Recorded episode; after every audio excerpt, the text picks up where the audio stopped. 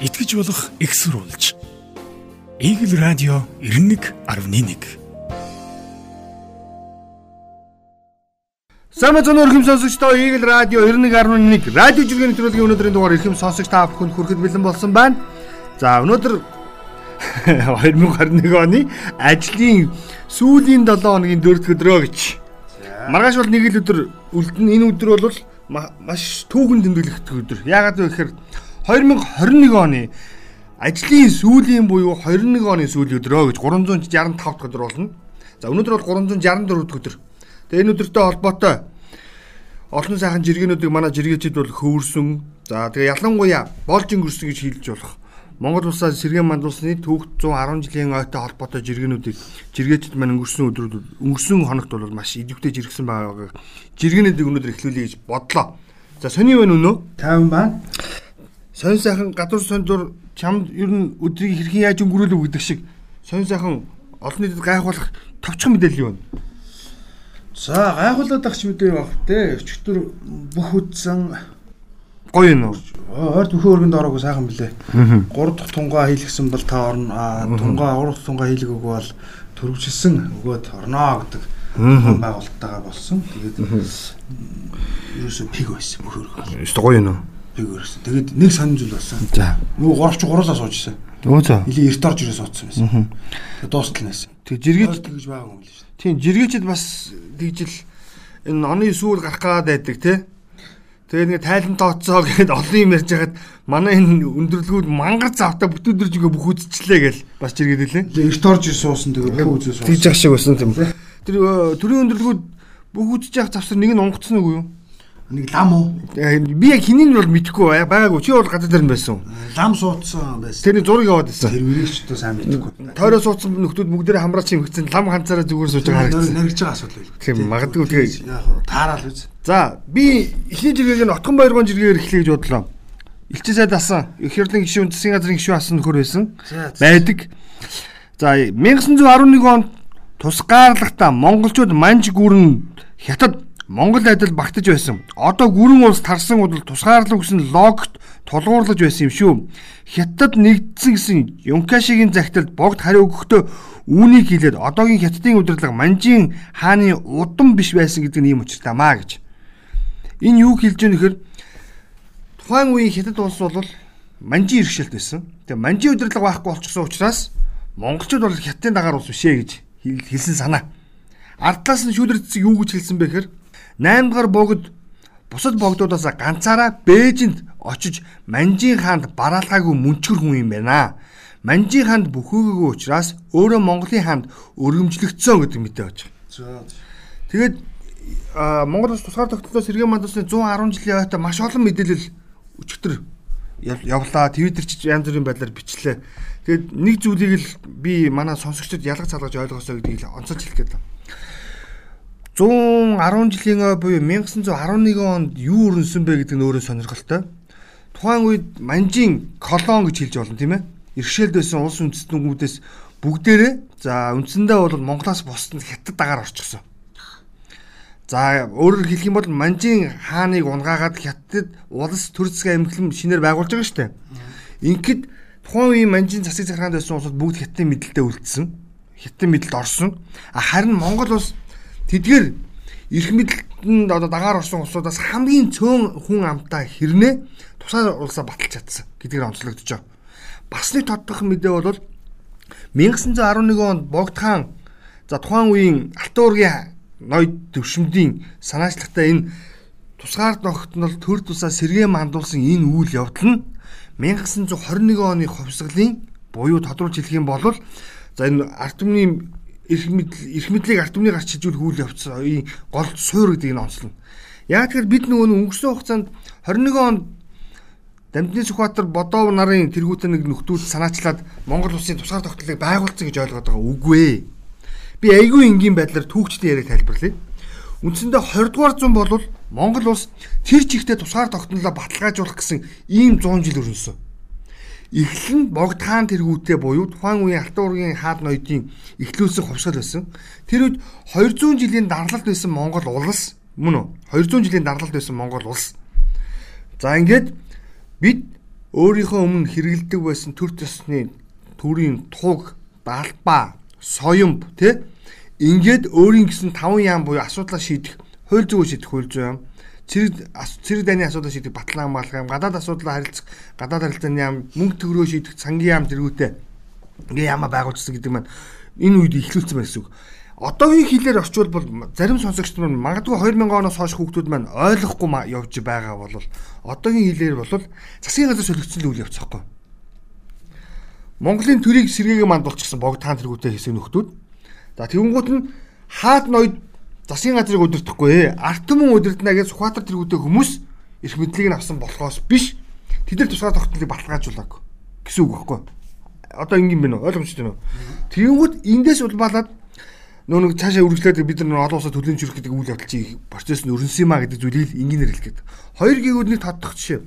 Богд хааныг тухайн үед яагаад хаана ширээнд өргөжүүлсэн бэ? Яагаад алтан уургийн нэг л Монголын төрийг одоо тий одоо сэргээ мандуулж байгаа бол хаан буюу алтан уургийн хаан удмын хүмүүс томилох хэрэгтэй гэсэн чинь тухайн үед богд хаан монголчуудын дийлэх олонхын итгэл үнэмшлийг байлдан дагуулжсэн сүшиг биширлэрийн далимдуулаад дамжуулаад Тэгээд Алтуургийн хаад буюу тухайн хаад ноёд ямар шийдэл төрсэн бэхээр шууд одоо нэг нөхрийг хаан тавихаар болохгүй учраас энэ бол оюун санааны хувьд бол Алтуургийн хүн гэж үзээд хаан тавьсан байдаг. Хоёрт лам үнийг хаан болгож болох уу гэдэг асуултанд хариулт өгөхийн тулд нөхдүүд эртнээс бэлдээд дондог толон гэдэг хатаа авч өгсөн.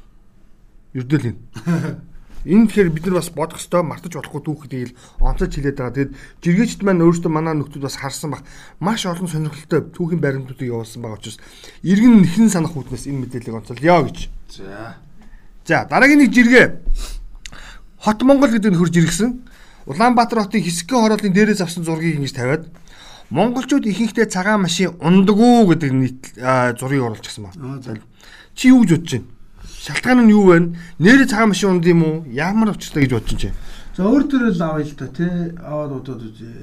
Сувдан цагаан өнгөтэй машин. Ер нь төлхөө унтсан байна уу?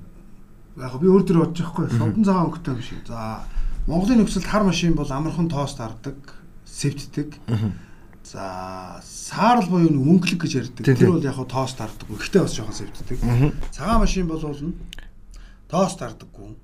Мөнгө сайхан ордог Тэгээд нөгөө нэг бэлэгдлээрээ тий. А тэгж цагаан. Тэгж цаг. Тий. Ингэж л цагаан машин их төлөв байдаг болов гэж би бол бодож. Тэг чи би бас бодож цагаан машин их төлөв байдаг хаа. Тэгсэн чинь тэгээд бас нэг юм байдэн штэ. Аюу сонь. Яг энэ дээр дөрөөлөөд юм уу эсвэл цаана би бол цаана яадаг юм мэдэхгүй. Цаана тийм байд юм уу штэ. Мөнгөлөг цагаан өнгөтэй машин. Яг хоёр ижлэх маркийн машин. Одоо маркны ижлэх байхад мөнгөлөг цагаан юу гэдэг штэ. Үнтэй байдаг штэ. Тийм. Уусаа юу гэдэг үстэй. Цагаан машин, хар машин хоёр зэрэгцээ байж хар машин нэг саяас 500 мянган илүү шүү дээ. Яг адилхан онтой адилхан орж ирсэн. Хар нь хямдхан байдаг байхгүй. Үнтэй үнтэй үгүй үгүй. Тэр чинь гэхдээ машиныхаа марк насаа. Жишээ нь хоёр мөнгөлөг цагаан өнгөтэй пүрүүс 30 хар 32 байвал шүү дээ тий. Цагаан үнэтэй. Ланд 200 дээр цагаан хар хоёр байлаа гэхэд хар нь үнэтэй. А тэгэхээр томорхороо хар нүт болчих юм уу? Тий. За би бол энэ жиргэнүүдийг уншаад гэсэн доотлолт нь ерөөсөө хідэн жиргэнүүдээр санал нэгдсэн. Ямар вэ гэхээр монголчууд залхуу ваагийн илэрлэл гэсэн бэл. Залхуу гэж. Өөрөөр хэлэх юм бол хар машин унах буюу бараа өнгөтэй байвал тийм үү? Өдөр болгоо угаана. Яг тэр тоосчлт хог шороо их татдаг учраас тий. Тийм учраас өдөр болгоо угаахаас залхуураад а цагаан юм уу саарл машин чинь болохоор ягаад төлхөн ундаг вэ гэхээр нөхдүүд шороо тоос мэддэг үгнэ. Наа чи залхуу болохудаа шиг биш юм л да. Ерөөсөл залхуу хандлагын илэрлэл нь цагаан өнгө гэдэг юм зүйлийг зүгээр би яг санал нь хэлж байна. Тийм юм шүү дээ. Би бол тэгж харсан. Наа чи угаалгын газар ямар үнэтэй байгаа бензиний хийх үү машин авах уу гэж байгаа юм. Харин зүгээр залхуулах. Өөрөөсөө угаана гэж юу вэ? Ийм нэг тоос шороотой үүд чинь. Харин залхуул байхгүй юу? Залхуу биш ээ. Нөхцөл байхгүй. Би бол хар машинтайс бол өдөр болго угаана. Гүү нөхцөл болцсон байх. Танд тийм заавалдахгүй танаа гаруун л тийм гэдэг. Байна. За хаалгаа гэдэг хаягнаас дараагийн жиргэг явуулнаа. Монгол гэрийн тухай хүн асуухаар нь юурт гэж тайлбарлаж өгчихсөн. Юурт яасан гэ? Юурт, юурта. Аа, за. Орсоор нөө юурта. За, за. Тэгсэн чинь нэг нөхөр юурт гэж бити ерөөсөө ярьжээ. Тэр чинь Орос Турк гаралтай гэрийг хилдэг юм аа. Монгол гэрийг зөвхөн гэр гэж хэлж байгаарай. Сэтгэлд нь энийг гадныханд хоногшуул. Учир нь Монгол гэр шиг ийм өвөрмөц хийцтэй түүхтэй гэр дэлхийд байдаггүй. Аа за за. Яасан бэ гэсэн чинь яг чи санаж байна уу? Хасаг буюу хэлбэл Турк Казак тий тоон мон өөр шүү дээ. Аа ерөнхийдөө тэр нэг стануудын улсуудын тийм үү? Гэрийн одоо Монгол усаных ихтэй адилхан. Гэхдээ гэрийнх нь хийц бүтцэн арай өөр үүдэг. Дандаа юм босоо өндөр, ийм шовх өндөр. За дунджаар нэг 2-оос 3 м өндөртэй байдаг гэж байна. А Монгол гэр бол үсээд нэг 180 хүрдэг. За ихэвчлэн бол 1 м 50-аас 180 хооронд байдаг гинэ. Тэгэд энэ гэрийн хийц хийдэлж агуулгууд нь шал өөр өдөг учраас бид нар юурта гэдэг бол яг нэг орс хэлнээс тухайн үеийн буюу бид нар орсуудтай харьцдаг байсан учраас орсууд өөрсдөндөө ойрхон өөрсдийнх нь баг ястангуудыг хэрэгэлдэг нэршлиг хэрэгэлсэн байгаа энэ. А тэгэхээр бид нар юурта гэж болж өгвөл бити тайлбарлаарай. Болж өгвөл чи Монгол гэрийг юу гэхээр гэр тэгж харьцуулаарай. Зод гэдэгтэй чи. Яг яг тэгж орчуулаарай. Тэгж хийж хоногшуулах юм бол энэ үндэсний бас нэг дархлаа болно. Зод гэдэгтэй адилхан. Тэгээ энтэй адилхан доотлолт нэг жиргээ орж ирсэн. Юу гэсэн бэ гэсэн чинь ингэж байгаа. Уян цог гэрлж ирсэн юм.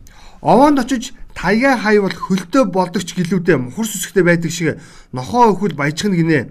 Гиснээс анх за гиснээс ингэж ерөөхдөө бол овоог юу гэж ягаад шиддэг болсон юм бэ гадных нь надаас асуусан. Тэгэхээр шүтдэг тагтаг овоо нь архины шил хог цаас хүүхдийн памперс баахан 10-т 20-ын дэвсгэрт за тетрапакийн хайрцгаар дүүрсэн байсан энэ төр.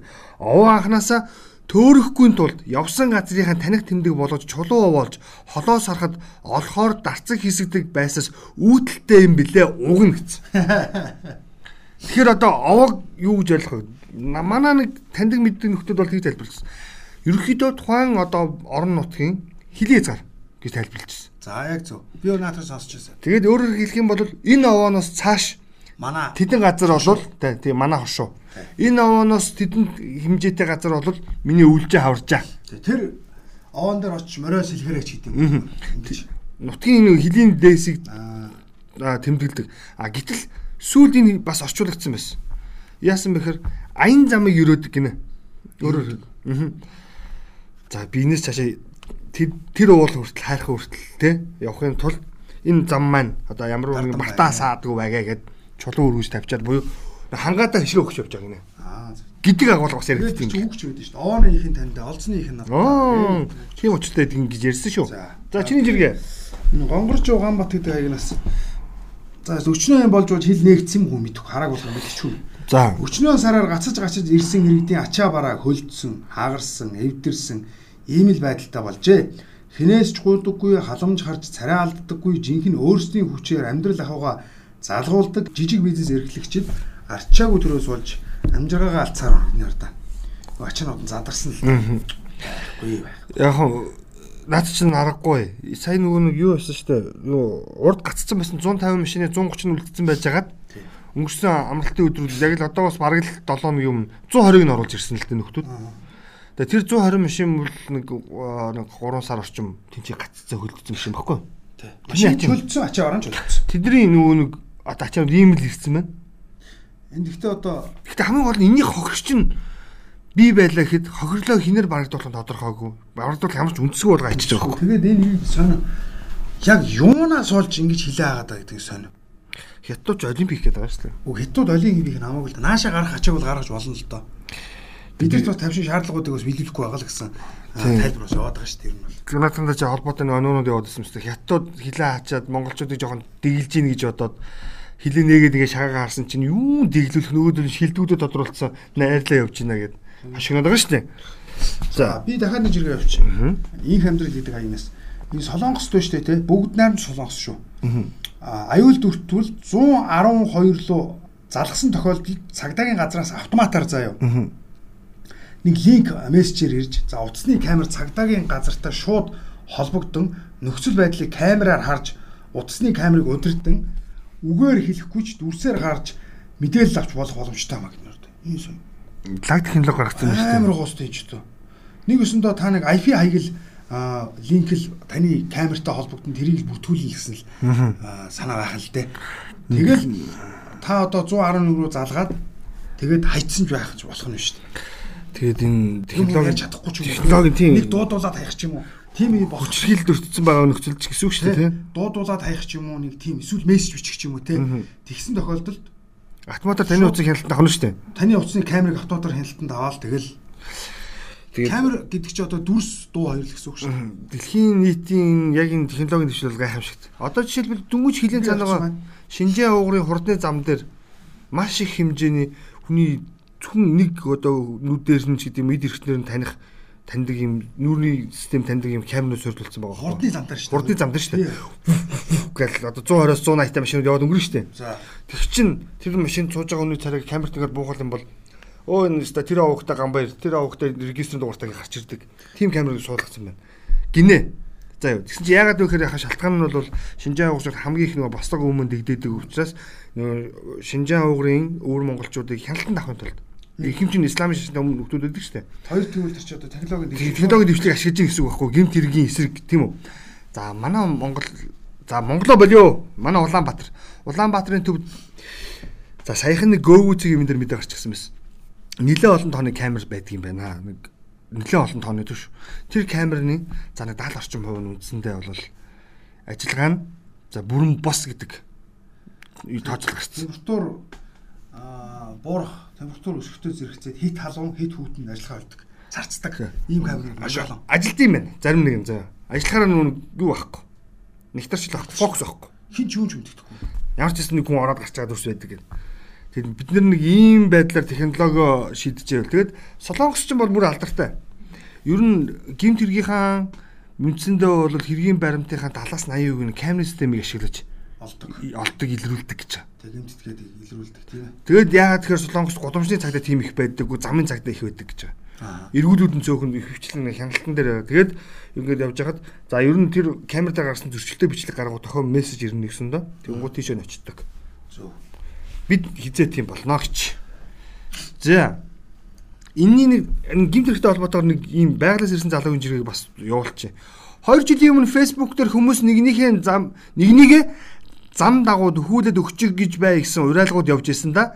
Тэгэхэд П нэг нөхрийг хүүлээд өгсөн чинь хойноос цүнх аваа бууцсан байсан шүү дээ. Одоо бас тэр давлагыг дахиад л ихлүүдэд байх шиг байна. Цүнх мөнх шааж болохгүй шүү. Юу л энэ бүгдийг далд хийж байгаад л хүнээ авд юм шүү гэнэ.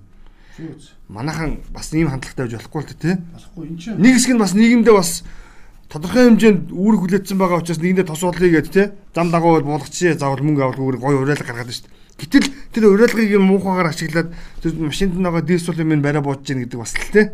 Өөв чанар өссөн. болохгүй. За 10хан гэдэг хаягнаас. Усаа нөөцлөхийг зарим малчид маань улааран эсэргүүцээд байдаг. За гэтэл 20 хүрэхгүй жилийн дараа бид болон үр хүүхэд минь усны улаан төвшний хомсдолд за энэ 40-оос 80 шүү. Орж болцсохгүй орондын тоонд жагсаж байна энэ хардаа 2040 он гэхэд ингээ гаргацсан заяа. Манай усны нөөцлөөр За 40-оос 80%. За медиум гэж байгаа нь 20-оос 39. За бага уу нэг 10-аас 19. За бүр бага уу нэг 10-аас доош. Омс усны а усны одоо нөөцийн хомсолд орох газруудыг манайх бол дээрээсээ 2 дахь энэ 5 төвшин байгаа хгүй 2 3 4 5 гэ. Манайх дээрээсээ 2 дахь буюу за бүдэг улаан улаан л гэсэн үг. 40-оос 80% усны хомсдолд орох ийм англи багтчихсан байна. Энэ бол дэлхийн судалгаа шүү. Тэгэд энийг манай сонсогч нар ч бас мэдж байгаа. Би зарим нэг мэдээлэл болох хүнээс ганц хоёр тоо хойлоо л да. 2010 оны ихээр бүр айгүй гой тоо гарчихсан. Юу гэсэн чинь манай Монгол улс ерөнхийдөө бол нийт ундны усныхаа 95%-ийг нь гүний усыг ашиглаж байна. Яг зөв. Хамгийн аимшигтай. 95% шүү. Яг зөв. Энэ хിവэрэ бид цаашдаа нэг 20-оос 30 жил үргэлжилбэл гэдэг чинь өөрөөр хэлэх юм бол тухайн үед бол 2010 он гэдэг чинь 2030 он хүртэл тоог төсөлжсэн биз дээ. 30-аас баг гэж хэлсэн Тийм. байхгүй юу? Тэгэхээр чинь яг над судалгаан дээр буй 40 он гэхэд манайх улаан төвшөнд орох гэдэг шүү дээ. Дээрээс хоёр дахь төвшин дээр явж байгаа гэдэг чинь үнэн тоо болчиход байна шүү дээ. Манай эрдэмтний гаргас тоо шүү. Тэгээд тухайн үеийн усны газраас ямар уриалга гаргаж ирсэн бэгээр бид энэ нийт хүн амын дунд хэрглэж байгаа аймаг сум нийслэл ялгаа байхгүй шүү. Энэ гүний усаа одоо ерөнхийдөө багасгахыг бүгдээр ашиглахаа болиё. Үүний тулд гадаргын усыг хоримтлох хэлбэрээр ашигладаг болох усан сангуудыг аймаг болгонд хий. Ялангуяа Улаанбаатарт ихний ээлжинд энэ туулгуулын сав газар гэж байдаг. Одоо тэрэлж горхийн ам бэлчээр яадаг юу жилдэн дээ тий. Энэ сав газар тэрэлж горхийн. Энэ сав газарт асар их хэмжээний олон тооны буюу өөрөөр хэлбэл энэ сангуудыг байгуул. Одоо юм бассейн гэсэн маягийн юм. Тэ хамгийн энгийнээр тайлбарлал ийм усан сангуудыг байгуул. Энэ усан сангууд юу ямар үүрэгтэй вэ гэхээр өвлийн цагт нөгөө нэг уулын усыг тосдог тий. Одоо нөгөө шар усны үерийн аюул нүүрлээд байгаа энэ уснуудыг нөөцлөрүүдийг бүрдүүлдэг. За ингээд нөгөө тунцыг яг тэр ингээд төвлөрсөн усыг дагаад манай өнөө мөн ч гэсэн цаг уурын хүн мэдчихэ. Ус чигшлийг дагаад агарын тунц бас унна тийм үнэ хэмжээ нэмэгд. Тэрийгэ дагсан бид нар цэвэршүүлэх буюу нөгөө дахин ашиглах саарл усаа үйлдвэрлэх тий. Энэ гарцуудаа хийя гэд тухайн үеийн усны газрын нөхдүүд хоолоогоос өөдөл ярьсан да. Өө би юу сайн санаж байна. Тэгээд энэ нөхдүүд яриад нэг л зүйл хууль баталсан. Тэр хууль нь ямар хууль вэ гэхээр уг нь тухайн үед миний санджаар 3 хууль оруулж ирээд нөгөө хоёр нь унаад нэг хууль нь үлдсэн юу гэхээр ус бохирдуулагчийн тухай төлбөр гэдэг энэ хуулийг баталж чадсан. Гэхдээ яг одоо бол бид нар ус бохирдуулагчийн төлбөрийг төлдөг иргэн байтгаа аж ахуйн үүж байхгүй. Байхгүй. Энэ төлбөрийг бид нар хаанаас авч байгааг зөвхөн уул уурхайн компаниуд буюу өөрөөр хэлбэл том асар хэмжээний нөгөө гүний усыг ашиглаж байгаа аж ахуйн үүргүүдээс л авч байгаа. Бусдаас нь огт авдаггүй. Тэгэхээр яхаарахгүй бид нар өнөөдөр энэ гүний усыг ашигладаг тогтолцоогоо тодорхой хэмжээнд хумх шаардлагатай байна. Энэ одоо 20 хүрхгүй жил гэж байгаа байхгүй юу? Аа байрхан байна шүү дээ. 2040 онд 40-оос 18 жил байгаа. Мм. Дон гараад Тэр чинь 10 онд манай эрдэмтэд 30 жил гэлжсэн тоо яг л мөр зэрэгтэй явж шүү дээ. 28 жилийн өмнөх асуудлыг Па па па па. Тэгэхээр энэ тоо бол дэлхийн судалгаа учраас энд эргэлзэх хэрэг байхгүй. За энд санаа зовх хэрэгтэй юу гэвэл тийм. За ус бол нэр одоо на- манай сонсогч надаар хэлүүлдэг юм мэдж байгаа. Усгүй бол тэгээ дуусаа шүү. Тийм. Тэгээ бид нар чинь усны асуудлыг шийдэж чадахгүй аймагуд жишээлбэл одоо энэ завхан байна. Юу байна? Ховд байна. Говалтай байна. Монголда яг Дорногов байна. Хамгийн ус муутай газрууд. Ялангуяа говалтай дундгов хоёр. Дорногов биш дундгов хоёр. Хамгийн ус муутай. Тэгээд эндээс дандаа нөгөө гидсний төрлийн бусад нөгөө нэг юм усны бохирдлоос үүдэлтэй өвчлүүд нэмэгддэг. Тэгээд говалтай аймаг саяхан ус сэвшүүл хүүлдэртэй боллоо гэж алга ташаад байсан. Тэг хамгийн зүгээр эмгэнэлтэй гэмээр дүр зураг бол жишээлбэл завхны төрөө ягаад дурдсан бэхэр яруу сум гэдэг. Монгол улсын хоёр дахь ерөнхийлөгч төрөн гарлуу. завхны яруу. Нөгөө хин багвандгаа төрсэн сум. Завхны ярууч алдартай бүх. Ерөөсөө завхны яруу гэдэг ямар сум бэхээр аймгийн төвөөс ерөөсөө 60 км зайтай байдаг юм сум. Гэтэл тэр сум 90 жилийн түүхэндээ шүү заяа. Би ганцхан тойл. 90 жилийн түүхэнд 90 жилийн хугацаанд 2020 онд ганцхан худагтай болсон. Амар гол сум байгуулагдаад 90 жил болсон. Тэр хугацаанд тэр сум нэг ч худаггүй байсан. Гүний би юу амны ондны усны худаггүй байсан. Тэгээд 90 жилийн дараа анх удаа ганцхан худгийг хэн барьж өгсөн гэж нөгөө нэг солонгосын төсөл буюу койкагийн төслөөр ганцхан худаг барьж өгсөн. Ийм л байна. А тэгээд тэр хугацаанд энэ нөхдүүд юу ашигладаг гэсэн мөр ерөөсөө л нөө нэг жалгаар дагаж урсдаг нөө шар ус. Өвөл нь мүс хайлтдаг заяа. Аа. Зун нь болохоор нөгөө нэг уулын мөснүүд ингээд хайлна штэ. Тэр усыг хэрэгэлдэг. Тэгээд тэр сумын иргэд үндсэндээ 90 жилийн туршид сумын төвөөс зөөдөг байсан. Амар тоогоц. Энэ бол болохгүй л дээ. Тэгээ бид нар усны асуудал ерөөсөө шийдэж чаддгүй. Тэгээ буруу газар болохоор үнэн замбрааг ашигладаг. Энэ юу яагаад юм л да. Нэг дуусахгүй юм шиг хандаад байгаа. Гүйлтэй. Үн чиний наад мэдээлч үнэхээр чухал мэдээ байхгүй. Бид нар үнэхээр анхаарлаа хандуулахгүй бол үнэхээр болохгүй байгаа. Тэгэд хотж байгаа улсуудын усыг яаж ундны усыг цэвэр ашигладаг гэхээр нөгөө почкины савыг жишээлбэл тоосгайгаа хийдэг үедийг мэдэн ш та бүхэн. Тэ тэр чинь. Тэгвэл энэ чинь үсэд хэмжээг нь багасгахад хэрэглээгээ Энд чинь- тогттой хэмжээнд одоо бид нар почкигаа даан пүл гэж нэг 8 9 литр ус асгаж шít. Тин чи юу байгаад ба? Вау. Тэгээд гэр орооллын иргэдийн ашиглаж байгаа ус, хэрглэж байгаа ус одоо нийтийн байрны Орос улсны оруулалтын ус. Орос улсны оруулалтчтай нийтийн байр дээ. Нийтийн байрны ашиглаж байгаа ус энэ төр чинь бол юу? Өдөр шин шиг ялгаатай. Орос улсных гэр орооллын 280-аас 310 гэж сонссон. тий зөв зөв зөв зөв. Тий. А гэтэл нөгөө төлөв нь 10-аас 20 литр. Биш ээ. 18-аас 35 гэлүү. 32 гэлүү. Гэхдээ 30 хүрдэг юм аа 20 20 литр. 28 билүү? Тийм. Байсан тий. Гайхаад. Энэ тэгэхээр бас анхаарал тавих ёстой асуудлын нэг шүү. За би нэг зэрэг явдаг. За за араас нь явчих за. Тгийх үү. Энэ хаширт нь оюун бэлэг гэдэг агнаас. Хасгачаараа хөв заяа. Мангар бол анхаарал тавьсан байгаа. Elfcoin нэртэй токен Монголын крипто зах зээлийн түүхэнд албан ёсоор хар мөрөөр тэмдэглэгдэн угтсан өглөө байлаа. За тийм яа яадгийн. 30 төгрөгөөр иргэдийн хөрөнгийг татсан заяа. За. 30 мөнгөөр гэсэн үг байхгүй. Тэ? Одоо токен 12 мөнгө болцсон байгаа. За. 12 мөнгө дээр динжигнж байгаа. Хэрв та 100 төгрөгөөр энэ лойрын эсхэнд орсон бол яг одоо 40 төгрөг болсон. Цаашиж дунд зогсохгүй төлөвтэй. Боловсролын салбар болон технологийн салбарын нэрийг барьсан лойрын схемийн хохирлын хэмжээ бараг цагаар 27 тэрбум төгрөг давсан гэсэн үг. Харамсалтай нь энэ лойрын эзэн нь ярьж байгаа салбаруудын ха алинд нь ч үл хараалагдана. Монголчууд өмнө хизээ нэг хэрсүүчих вэ? Энэ нөгөө боловсролтой холбоотой coin юм лээ, эл coin. Тэнгүүтээ яг өнөө өглөөний байдлаар биш үү те? Унтсан. 30 төгрөгөөр анх ихнийхээ зах зээл дээр гарсан бол одоо 12 мөнгө болцсон байна. Өнөө өдөр өнөө дахиад илүү унтсан байгаа доошоо. өнөө өдөр яг нэг Хасах 60% уналт гэсэн үг. Гэхдээ өнөө хоёлоо хэлжсэн юм шүү дээ. Coin анх гарлаа хэлсэн шүү дээ. Хизээ гэдэг нь л чухал болохоос яа бүгдээр хохирч болно шүү. Тэгээд хардаа 20 долларын төлбөр мөнгө давцсан юм Аа байна. харин Одоо ингээд босгосон юм чинь. Энэ одоо тэгээ яах юм? харин тэг хэлээд Одоо шүү дээ. орилоод эхэлсэн шүү дээ одоо. Тэгэл нүн хадгалан зэлийн оршоо шиг талбаагаар нь өсөө осоосон хүмүүс байна үз. Үгүй би бол энэ дэр гогч гэж хэлнэ. Шал дими юмд ингэ цаг заваа гарч нэрөө байгаа. Тэр нөө залуучуудыг ажил хийхгүй байх сонирхол чинь энэ дэр ийм дэр Ихэж байгаа. орсон хүмүүс наа чи айл үчи мөнгө аваад алгуулад байна. Гарч штэ. нөгөө нэг дам дамаа нэг нэгээс би сонссон хүмүүс чинь л яад байгаа хөөхгүй. Гохин гохин. Унш судал яг ширээ хийхээсээ өмнө лайк дарахаасаа өмнө унш судал шүү дээ ерөөсөө. За энэ энд нэг ийм жиргээ байна. Бууга гэдэг хаягнаас жиргсэн баа. Би жоо энэ жиргэний эсрэг байгаа шүү. Ер нь бол. За. Гадны нэг эрдэмтэн ингэж бичсэн байна. Монголчууд бол хамгийн арчаагүй энэ шашинтай нь холбоотой. Нүүдлийн малаачгуутай ч холбоотой. Монголчууд хизээч цаг барьдаггүй. Цагийг нармаар нараар баримжаалдаг монгол хүн бол заяаны хулгайч гэд. Бити олон юм ярьдаг ч. Заяаны холгоо шиг юм шүү.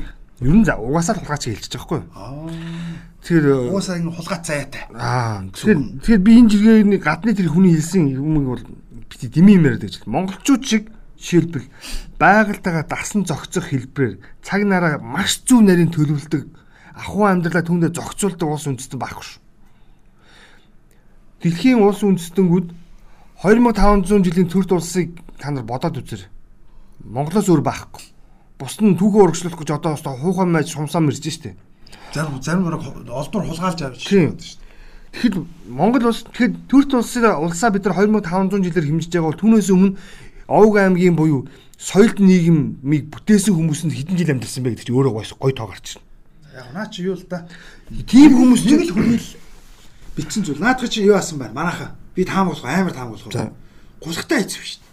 энэ энэ гадны нөхрийг хөлчихээр гэж яахгүй. Чигээр тэгж тэр чи аргагүй шүү. Тэр та Монгол Монгол нэг хүн дээр ингээд үгүй сайхан хөрөнгө оруулаад даа даа гэж авцсан байгаа зөө. Тэгээ цагдаа дээр очсон байгаа зөө. Зөв цагдаа дээр очиж өмгөөлөгч авсан байгаа зөө. Тэгэхээр тэр чинь цагдаагийн өмгөөлөгчдөө юутай хэдэн утгатай хийсэн байгаа чи. тэгээд тэгж ярих юм бол монголчуудыг цаг нарыг нөө нэг алдартай гэрээрээ тооцоолж гаргасан улс үндэстэн байдгүй шүү.